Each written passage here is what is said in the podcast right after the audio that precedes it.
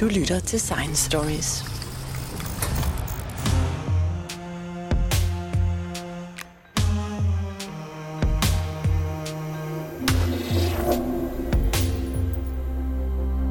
Når vi taler om biodiversitet, så er det som oftest, at de fleste tænker på planter og større dyr, og måske også dyr ned til insektstørrelse. De færreste er opmærksom på, at der findes en fantastisk rig og spændende samling af arter og dyr nede blandt sandskornene på stranden og nede i havbunden. Og det er som endt heller ikke så længe siden denne utrolige rigdom af forskellige dyrearter er blevet kendt. Professor Emeritus Reinhard Møbjerg Christensen fra Zoologisk Museum i København. Hvornår blev alle disse små dyr opdaget? Ja, det begyndte meget tidligt efter, at mikroskopet var blevet opdaget. Faktisk har vi en jubilæum i år med bjørnedyrene, som er jo mine favoritdyr, de her på latin tardigrada. De blev allerede opdaget for 250 år, så vi har 250 års jubilæum, hvor vi holder forelæsninger rundt omkring i hele Europa, og også i USA, om bjørnedyr. Men det var så øh, i havbunden, og i øvrigt alle mulige andre steder, man fandt dem efterhånden. Ja, det startede jo altså helt fantastisk. Man fandt den først, først i mosser, så fandt man altså i sø og, og sådan noget. Og så først langt, langt senere, så fandt man i havet, og i dag er de jo fundet helt ned til 8.000 meters dybde, og i Himalaya op på Mount Everest har vi fundet op i næsten 10.000 meters højde, så de er overalt på jorden. Men de der bjørnedyr, dem kommer vi tilbage til. Jeg tænker også på, at et nyere fund, man har fundet blandt sandskornene på stranden eller, eller i sandbund. Ja, det var helt fantastisk. Man troede jo, man vidste alle, om alt om bjørnedyr, men så under 2. verdenskrig, når Peter Aks og andre nede fra Kilde førte, skulle tage ud og, og, og hente prøver, øh, så, ja, så blev de jo bombet, så det gik jo ikke. Så fandt de ud af, at man kunne bare gå ned til stranden og tage nogle spande sand med, og så kigge, hvad der var mellem sandskornene. Så det er faktisk for midt under krigen, man opdager det, så det er jo ikke været så lang tid, man har kendt den interstitielle fauna, som den kom derhed.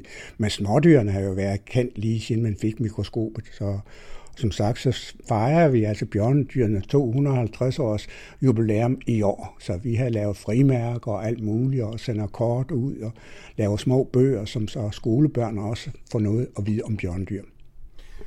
Men de her små dyr, de øh, er ikke så nemme at finde, fordi de kan faktisk øh, skjule sig nede mellem sandskornene. De har øh, små sugekopper og ting og sager på, så de kan, de kan sidde på den anden side af sandkornet, når man, når man tager dem op. Ja, det er helt korrekt. Så jeg lavede speciale i en marin bjørnedyr. Den, det var af slægten Bacillepest, det kendte man. Det viste sig så, at det var en ny art op for Niveau Bugt.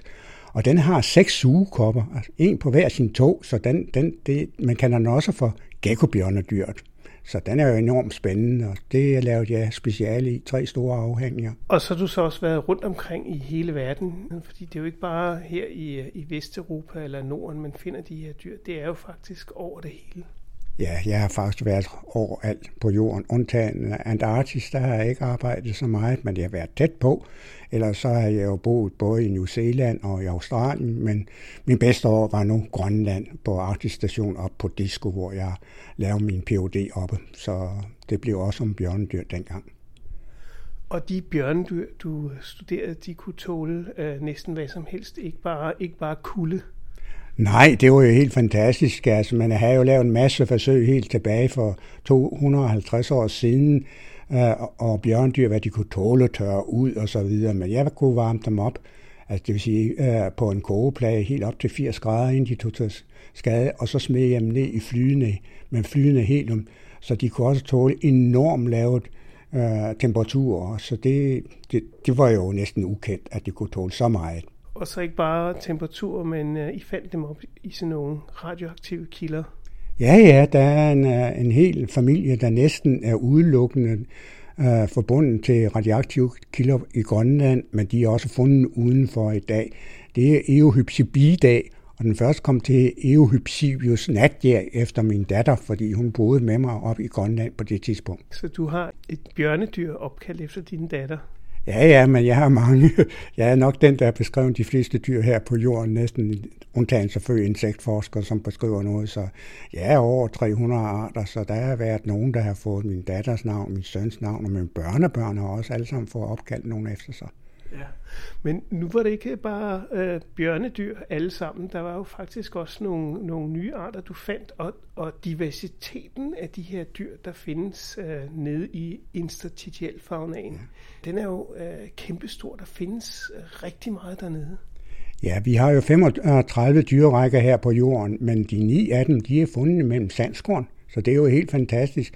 Og to af mine er fundet også Altså først og fremmest uh, korsetdyrene, Loricifra, fandt jeg i Sandskorn, men det gik mange år, inden jeg fandt ud af, hvor den var, for den første larve, Hamtens larve, den fandt jeg lige uden for Kronborg, og den var helt fantastisk, og den var levende, og den svømmede rundt og så videre, så nu tænkte jeg, nu har jeg opdaget noget helt nyt.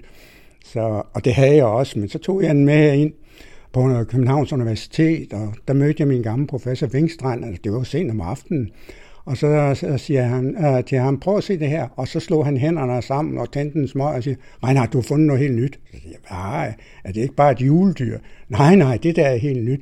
Og siger, hvad gør jeg ved den? Ja, du øh, støber den ind, og så snitter den til elektromiskopi, ellers kan du ikke finde ud af, hvad det er.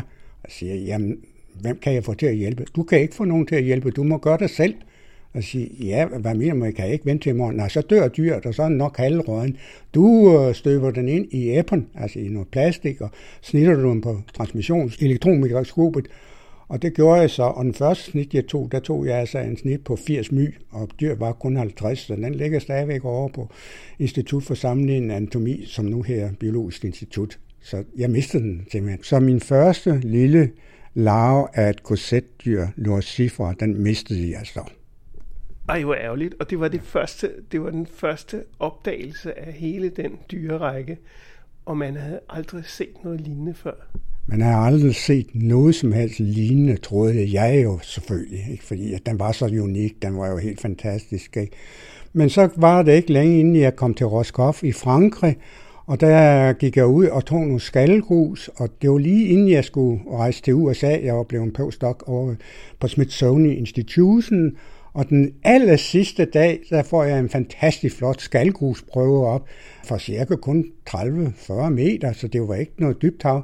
Og jeg kiggede i den, og der var alle stadier af vores korsetdyr. Der var de små larver, som jeg har fundet ud for Kronborg, og så var der han og hund, og, og der var øh, Øh, alle mulige stadier. Jeg fandt også af. Og, men jeg havde jo kun et par dage inden jeg skulle møde op på Smithsonian, så jeg fik set det hele og tog det med til USA. Så det var jo så næsten enden af hele historien, havde jeg troet det, men det blev det ikke. Men er det ikke ret kompliceret at forestille sig, hvordan alle de der små kræ øh, egentlig hænger sammen? Fordi nu nævnte du lige, at der var nogle laver, ja. så der er vel også nogle voksne, som ser helt anderledes ud, og der kan være flere forskellige stadier i livscyklus. Hvordan, øh, hvordan er man sikker på, at, de hænger sammen? Nu er det ikke så slemt med, med mine korsetdyr med Loricifra, fordi der dannes den nye stadium inde i den gamle, for eksempel larvecuticula, men også postlarven, der dannes den voksne han eller hun indeni, så man kan se, hvad der var oprindelige dyr af været, og hvis man finder alle kan sige, stadier med en eller to øh, dyr, øh, indeni, så kan man se forske på både han og hund og pøvsler og så videre. Så, men det er jeg altså ekspert i, og jeg har haft nogle helt fantastisk dygtige øh, tegnere begynde. Øh, for eksempel Birgitte Ruberg, som har lavet en masse af mine tegninger, og de ligger jo frem her på bordet. Ikke? Så det er jo det, det er afgørende, at man får fundet alle stadier, for at man kan beskrive dyrgruppe. Men at med, med korsetdyr, med Loricifra, der tog det jo næsten 20 år. Men øh, det betyder så også, at, øh, at man har god tid til at forberede sig. Der er ikke noget krav om, at man skal publicere hver anden dag. Jeg publicerer ikke hver anden dag, men i hvert fald op til fire gange om året. Jo, det er helt nødvendigt, så snart man har fundet løsning, for man må jo regne med, at der sætter måske andre, der har fundet det samme, eller rygterne begynder at spredes, at man har fundet en ny dyrgruppe. Så da jeg kom til Smithsonian, så skrev jeg altså afhandling, den ligger altså her på bordet den første for 83, og der boede jeg i USA med min familie derovre. Og jeg skrev det færdigt, og jeg ringer hjem til min gamle professor Vingstrand og siger, skal jeg tage Bob Higgins, Robert P. Higgins, som er professor og afdelingsleder her? Og han blev helt stille bag, siger han, Reinhardt, det skal du sørge ikke. Du har jo lavet alt arbejde, skal du ikke bare tage med, fordi han har givet dem et par millioner dollars til at arbejde herovre. Og så skrev jeg det færdigt, og afhængen ligger som fakt her foran på bordet. Og så viste jeg Bob Higginson, det jeg kaldte ham for, og han blev helt, helt, helt øh, vid i hovedet. Og siger, hvad der er vejen, Bob? Jeg har den også, siger han så. Hvad mener du? Ja, jeg fandt en, eller på Eastward-ekspeditionen for næsten øh, syv år siden, der fandt vi et mærkeligt dyr. Det var faktisk Wolfgang Steger, som arbejder med knattestommerlider, en anden lille dyregruppe, som er helt fantastisk også. Den ligger også her fremme på bordet. Og så siger han, det tror jeg, det, ja, det tror jeg ikke på, Bob, for hvis du har fundet sådan noget, så har du jo beskrevet det. Jo, men han havde en enkelt eksemplar fra Eastward-ekspeditionen, og han gik jo hele Smithsonian igennem og så videre, og han kunne ikke finde den.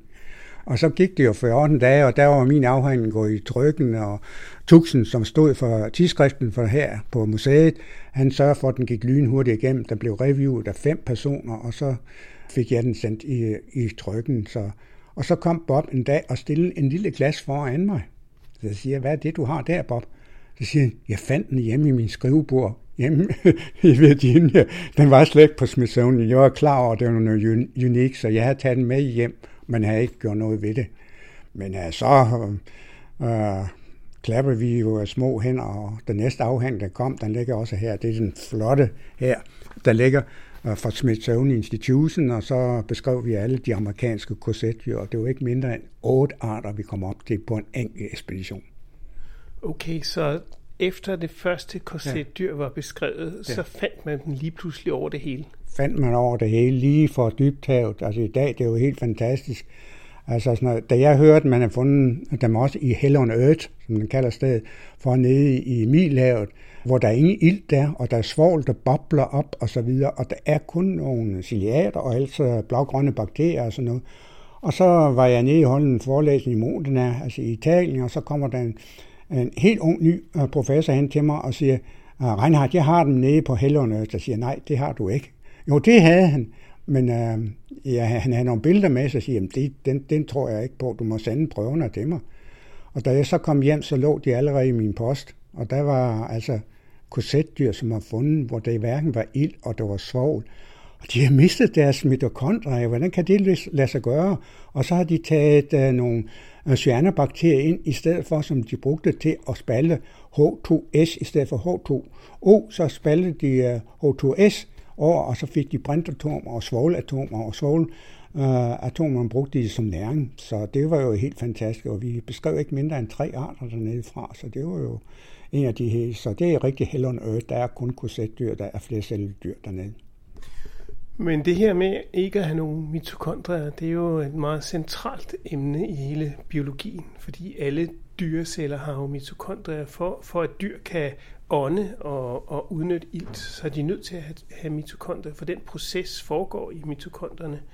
Hvis man forestiller sig, at det foregår uden mitokondrier, så kan man spørge sig selv, er det noget, der er sket efter, at vi blev øh, afhængige af mitokondrier for at kunne ånde, eller er det noget, der er sket øh, sidenhen eller før?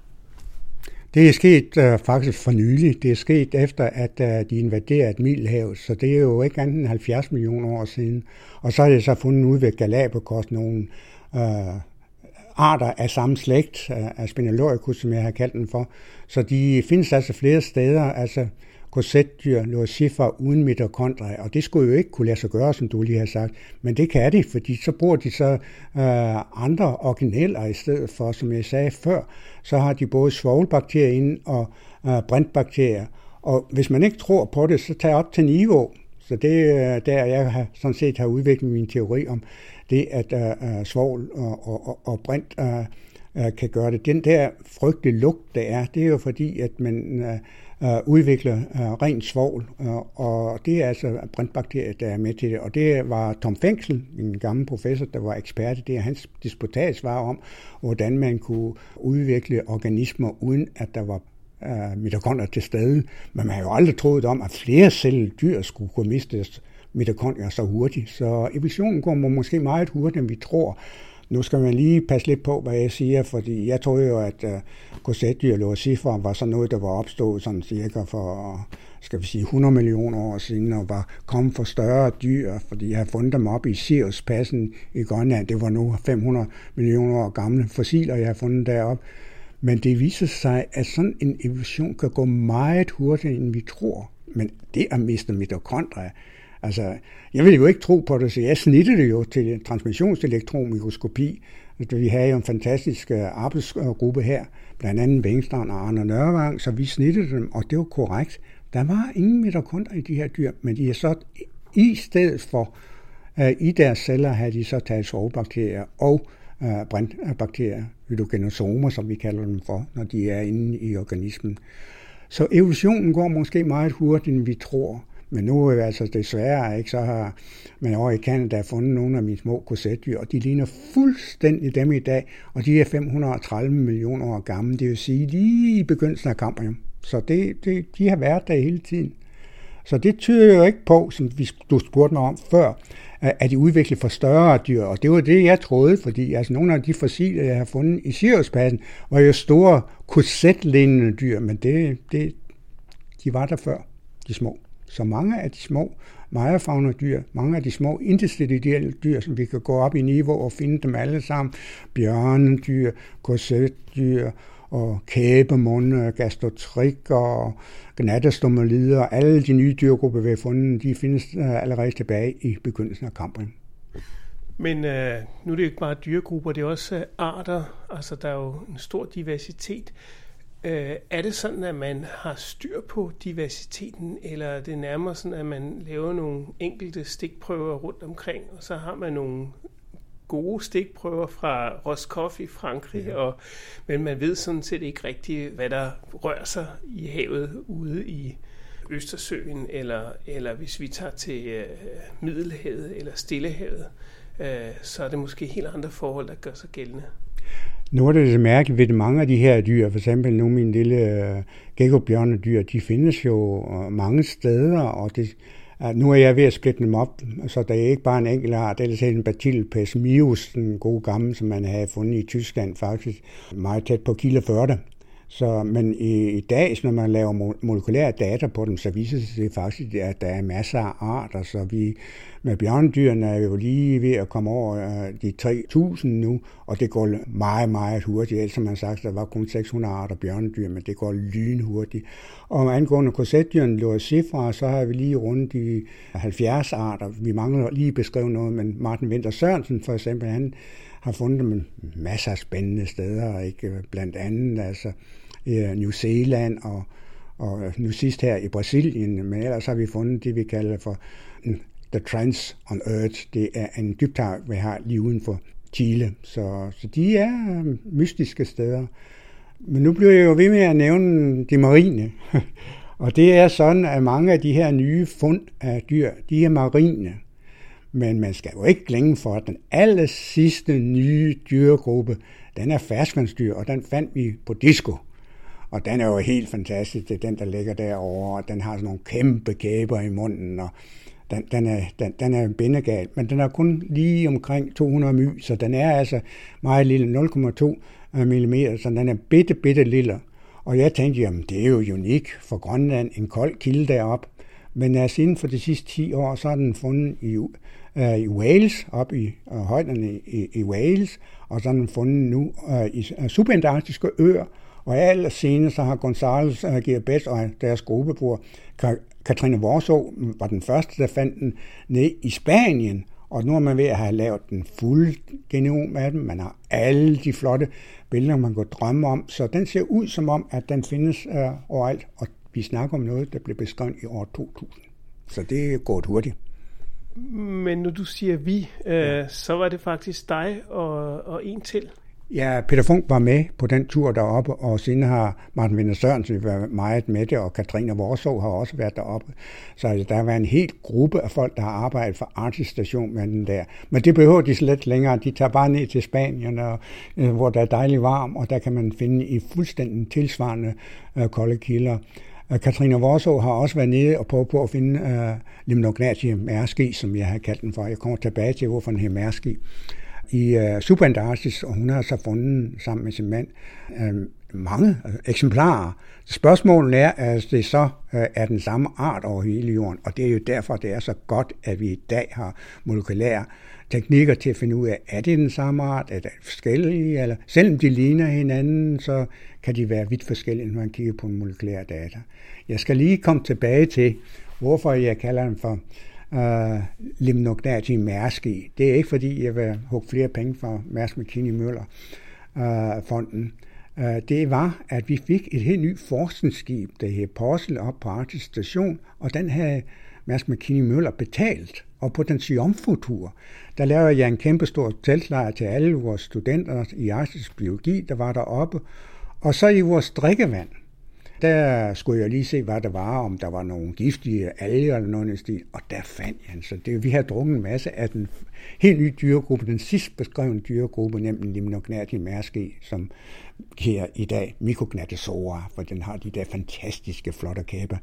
NATO, det er jo noget med kæber og sådan noget, så, men den er så fundet nu. Altså, de, og, og, I, og I drak den over ja, hvor lang tid? Vi har drukket en masse af den, det er helt sikkert.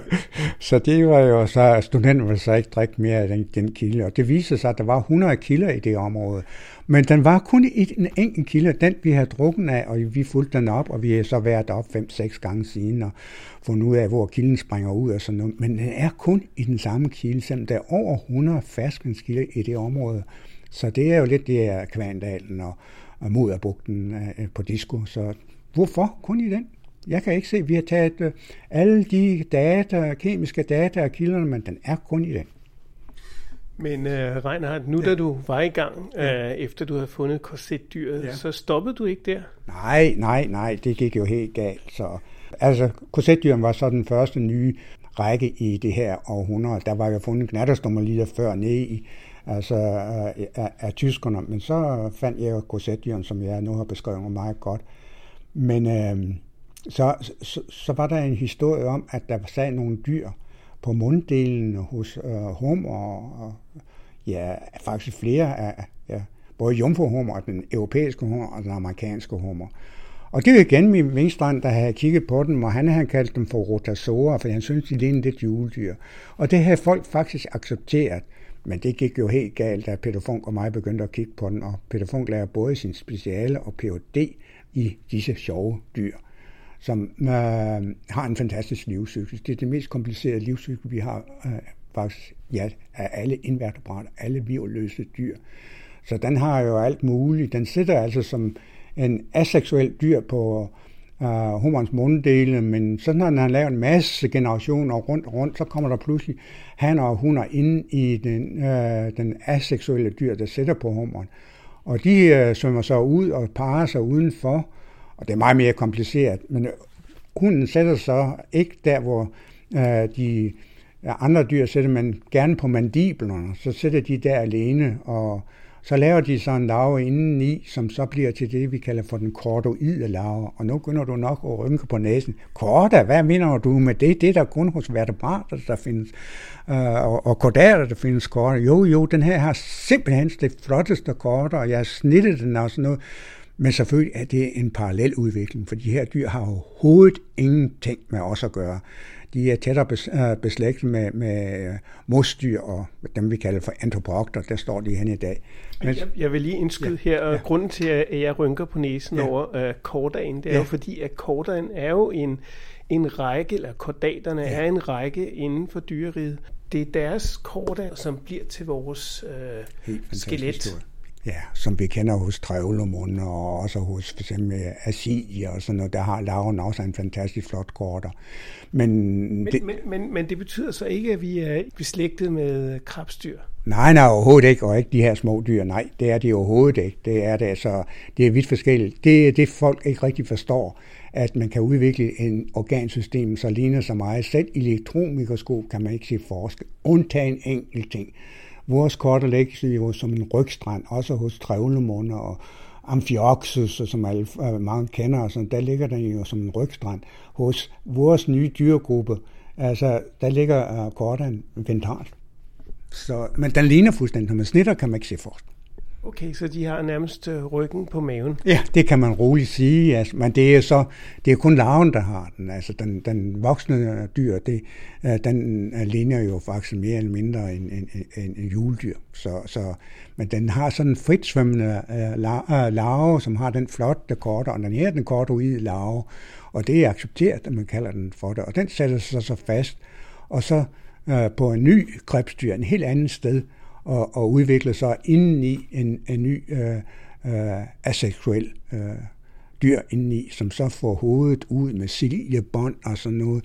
Så, så det, det er meget, meget kompliceret livscyklus, og det tog Peter Funk og mig næsten 10 år at finde ud af livscyklen, men den holder stik i dag.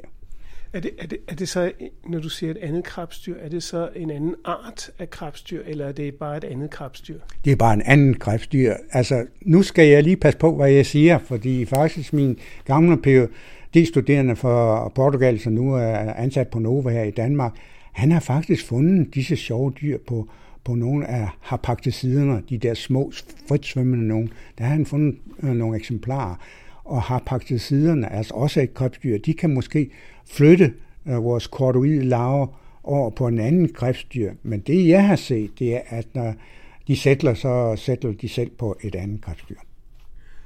Men øh, det, jeg øh, er imponeret over, ja. det er, at der er så mange forskellige øh, dyr, og mange af dem altså, er konserveret helt tilbage til Cambrium, hvor at, øh, at der lige pludselig kom en masse øh, dyr. Ja, det er jo det fantastiske ved det, ikke? at de 35 dyrerække, vi har, så er de fleste af dem kendt i kampen. Men nu kommer der en rigtig dumt spørgsmål for mig af til dig. Hvorfor kan man den største dyregruppe, vi har på jorden, det er rundorme, nematoder. Det er ikke de parasitter, som er inde i os og i munden osv. Nej, det er de fritlevende, som findes overalt i tusindvis af arter. Og dem har man ikke fundet tilbage i tiden. Hvordan kan det være? Mine små korsetdyr, sagde jeg jo lige for lidt siden, dem har vi jo fundet helt tilbage i begyndelsen af kampen. Og ja, og sådan er det. Bjørnedyr, de er jo helt fantastisk store. Det er ikke beskrevet nu, men de fik vi nogle øh, eksemplarer. Det er øh, Dieter Valusek, som har fundet dem i Sibirien, og vi er i gang med at beskrive de første øh, bjørnedyr tilbage fra Sibirien. Ja, de er lidt sjove i forhold til vores bjørnedyr i dag. Men de er altså også der omkring 500 millioner år gamle, så der er mange af de dyregrupper i dag, øh, men mange af dem var små så. Altså det var også nogle, nogle af vores vertebrater har vi jo ikke fundet helt tilbage, men kordata har vi fundet, altså vores stamgruppe, hvis jeg lige det med korter, som er hos os vertebrater, øh, har man fundet eksemplarer helt tilbage i kampen. Så det er meget tidligt, at alle dyregrupper øh, øh, kan sige opstår, undtagen der er nogen, vi ikke har fundet. Og det er så mystisk, hvorfor, som jeg sagde med rundom nematoder. Hvorfor finder vi ikke, når det er den største dyregruppe i dag? De burde være fundet. Men der er jo også nogle teorier, som siger, at øh, før Cambrium, der var der jo ikke særlig meget ilt i atmosfæren, og det betød, at øh, dyrene var ikke særlig store, altså de var ganske små for at kunne overleve. Og derfor så har man måske ikke fundet så mange af dyrene, fordi de netop var så små. Og den anden ting, det er jo, at øh, mange af de her dyr havde øh, mest bløde dele, og det vil sige, øh, så er det jo altså svært hvis det er blødt væv, og det ikke er skaller eller, eller noget, der er hårdt, de efterlader sig. Og derfor tror jeg, at, at mange af dyrene måske har fandtes før kampen, men at de simpelthen ikke kan ses i dag, fordi at de simpelthen er gået til. Ja, det er helt korrekt. Nu er det jo heldigvis med sådan nogle som korsetdyr og sådan nogen, altså Loricifra, de har jo en cuticula, og derfor finder jeg dem helt tilbage, ikke? Og fundet dem i Canada, og, og de store er ikke noget mærkeligt, de er på den her 6-7 cm, så det er jo ikke mærkeligt, at jeg finder dem altså op i Siriuspassen. Men det der er mystisk, nu kommer der altså helt det største problem, vi har med fossiler her på jorden. Det er Edicara-faunaen, som ligger langt, langt tilbage, over 600 millioner år siden. Og det er ret store dyr.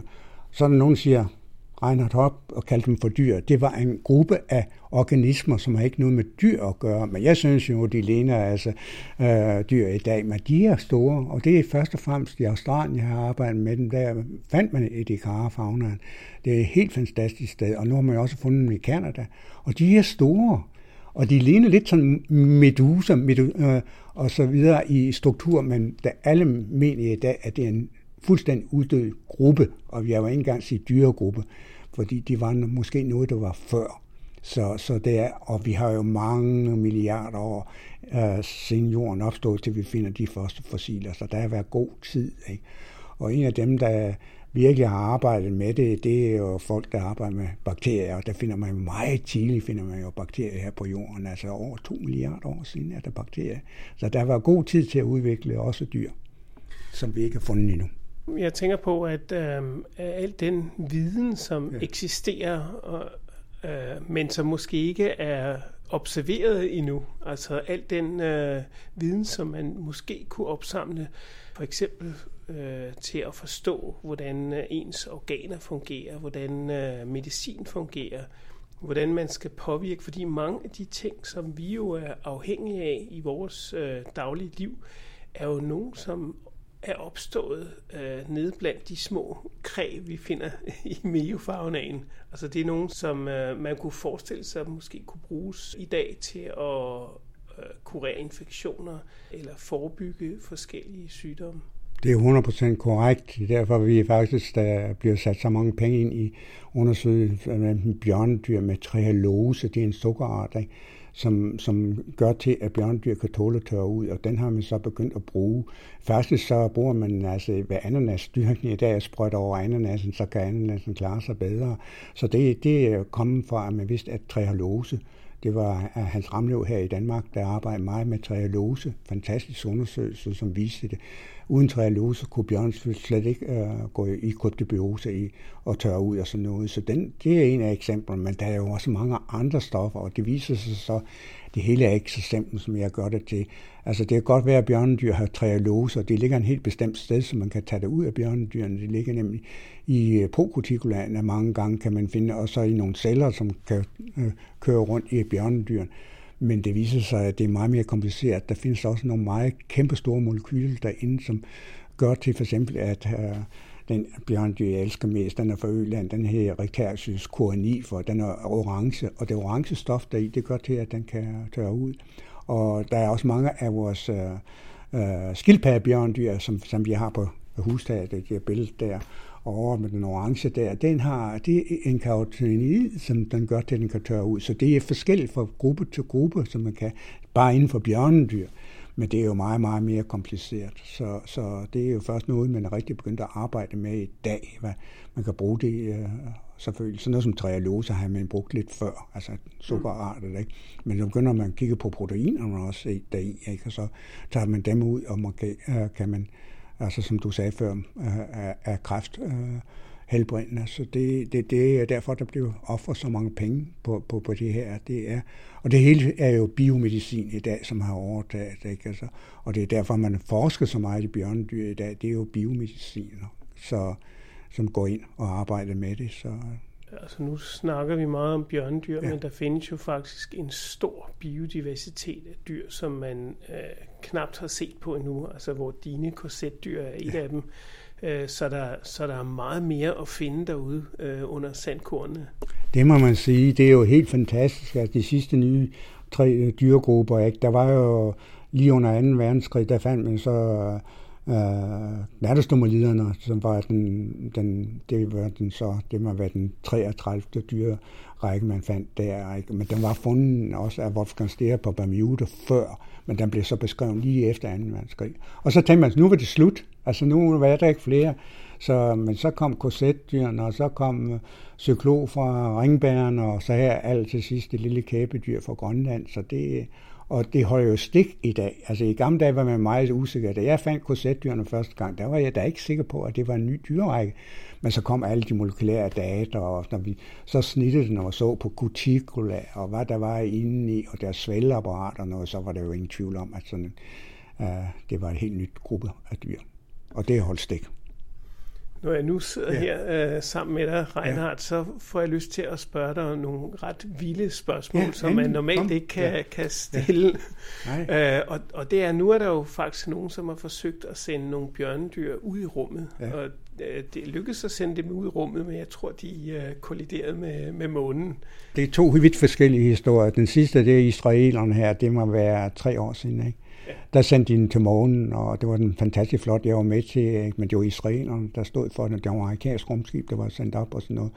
Og de havde lavet det helt, helt fantastisk. Jeg, jeg var jo bare med til at tørre dem ud, men jeg var ikke med til at putte dem ind i. Ikke? Og så lige 250 meter over, så, så styrter øh, rumskibet eller landfartøjen. Men det er slet ikke helt historien. Så jeg har jo, mens jeg var ansat af den amerikanske regering øh, på Smithsonian Institution, har jeg sagt til dem øh, derovre, og de kommer og sagde, at du skal øh, involvere dig i NASA, og så siger det vil jeg da gerne. Ja, du skal komme med et forslag, hvad du kan bruge NASA til, og alt det derovre. Og så siger jeg, jamen jeg vil gerne sætte Bjørn ud i rummet. Og de siger, jamen det er meget fint, kom med en, en meget flot øh, øh, ansøgning, så, så får du pengene. Og jeg lavede så om, hvordan de skulle se på ydersiden af rumskibet og hvordan den skulle åbne op automatisk, for det havde jeg arbejdet lidt sammen med italienerne om, hvordan man kunne lave sådan automatisk med, med øh, uh, ionosfæreballon. Og så sendte jeg jo ind til National Foundation. Jeg fik tre linjer tilbage, hvor der stod, jamen hvad godt tosses, der er intet, der kan leve ude på en ydersiden af en rumskib. Nå, tænkte jeg så. Og så gik jeg sammen med, med, med italienerne, og så siger han, nu må vi ikke snakke så højt om men jeg er altså meget gode ven med russerne, navnlig i Baikonur. Så, så ja, vi lavede en fælles program, og vi lavede en fantastisk lille flot øh, øh, kasse, hvor vi kunne putte bjørnedyr ind, udtørret og så videre, og så lavede vi en system, som automatisk åbnede op, når den kom ud i verdensrummet, kom ud. Øh, øh, og når den skulle ned igennem atmosfæren, så lukkede den igen. Og det, det var meget primitivt, det russerne, og det er det stadigvæk, men det lykkedes sgu altid, det, det skete ved det. De kunne ikke finde uh, selve rumsonden, den landede, så de, det tog to dage, da, det, det går ned, altså det samme med, med folk, der er med i rumskibet, det var ret uhyggeligt, ikke blev fundet med det samme. Men de fandt den altså, og så blev den fragtet i, med et tog øh, til Italien, øh, så, og så var jeg nede og, som, og der var 82 procent af mine små bjørnedyr, nærmest Echeniscus testudo, jeg snakkede lige lidt om før, øh, den orange, de, var der 82 procent, der havde overlevet. Og, og så var den store Rectasis cornifer, som jeg henter fra Øland, som jeg elsker overalt her på jorden. Den er orange, og den er sådan næsten lidt intelligent, ikke? det må man jo ikke sige højt.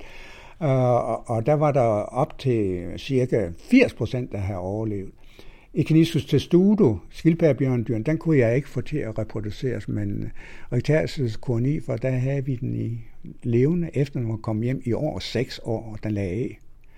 Jeg fik aldrig en at klække, men det gjorde mine svenske kollegaer, som havde Øh, så de kunne klare at være ude om, og de kunne endda formere sig efter, de har været ude. Og vi snakker om, at de vil være udsat for øh, det ydre rum. Altså, de har ikke været inde i rumskibet, de var på ydersiden. Så det, øh, det var mig. så. Men, men Reinhardt, kan man forestille sig på et tidligere tidspunkt i solsystemets udvikling, at vi måske har været ramt af nogle øh, meteoritter eller noget, som har slynget nogle sten op, eller nogle store klumper af jorden op i rummet, og som øh, måske har landet på andre planeter. Der er jo nogle af de planeter, som findes i vores solsystem, eller nogle af de måner omkring Jupiter, for eksempel Europa, som faktisk har vand. Og, øh, og der kunne man vel godt forestille sig, at øh, sådan et dyr måske kunne overleve. Vi ved jo, at der er dele af jorden, der er havnet på månen, og også på Mars. Og vi ved også nok, at der er øh, stykker af jorden, der er havnet på øh, Europa. Altså, jeg elsker Europa, altså ikke vores Europa, men månen omkring Jupiter. Og for den har så meget vand, og man kan jo se, at den har gejser og sådan noget, så den har frit vand, i modsætning til f.eks. det øh, vand, der er på månen. Det er jo frossen totalt, så der er nok ikke så meget muligt. Men i Europa er store muligheder for at finde liv. Der er ingen tvivl om det. Der har sikkert også været liv på Mars, men vi ved jo ikke. Vi har jo prøvet på de sidste øh, sonder deroppe, den samler jo ind og prøver at se, om man kan påvise organisk stof. Men nu kommer det helt fantastisk. Nogle af, af, af kometerne har jo organisk øh, materiale. De, øh, så altså, det er jo ikke levende nu, men altså, der er organisk materiale på nogle af kometerne. Altså, så, det, så hvor kommer det fra? Og nogle af de her, her kometer er jo de ældste. Vi har, de kommer jo helt ude for næsten den yderste bane, langt, langt øh, længere ude end Jupiter og kommer ind og her, og der har man så kunne tage øh, prøver øh, af dem og finde ud af, at der er organisk materiale i nogle af dem. De er så frosne jo, men så der har været muligheder. Men der er jo næsten ingen tvivl om, at der måske har været liv på Mars. Den har jo haft den, for hvis vi går en milliard år tilbage, så lignede den jo lidt jord. Der var jo vand deroppe, ikke? Det er jo først inden for en milliard år siden, det sidste fandt. Og der er også nok noget is tilbage deroppe på Mars. Hvis nu de samler nogle Mars-prøver øh, sammen og sender dem tilbage til jorden, det er jo faktisk planen at gøre, vil øh, du kunne identificere øh, bjørnedyr eller andre dyr, som, som der var øh, rester af, eller, eller som, som på en eller anden måde øh, har eksisteret øh, tilbage i historien? Jamen, det er jo ingen problem. Det er jo bare ligesom, når man finder altså fossile bjørnedyr her tilbage, som er over 500 millioner år tilbage. Altså, det er jo også fantastisk, vi kan det. Så vi må tro, at nogle af de samme bevaringsforhold har været til stede, hvis det er, er på en asteroid. Så, så det, det kan det, og det er jo ingen tvivl om, at når vi lander på øh, Mars, så vil man kunne finde organiske stoffer. Det er ikke sikkert, at der har været bjørnedyr deroppe, det tvivler jeg lidt på. For det, det var jo historien om, at uh, bjørnedyr var opstået uden for jorden. Det øh, var russerne, der kom med den teori, men vi ved jo, hvad dag næsten er bjørnedyrene opstået her på jorden. Det er nemlig uh, de fossile bjørnedyr, vi har, og så de var der allerede. Altså, de, så de har været meget tidligt ude, men de er ikke kommet udefra. Det lyder i hvert fald rigtig, rigtig spændende. Tak ja. skal du have, Reinhard Møberg Christensen. Ja, det er meget spændende, og det er jo kun begyndelsen, også når vi lander altså på Mars. Vi fik jo aldrig rigtig nogle gode prøver fra morgenen af. Det var ligesom, om man ikke gik efter de øh, biologiske prøver. Så, men Mars vil være et helt oplagt at finde uh, noget af organisk materiale. Tak skal du have.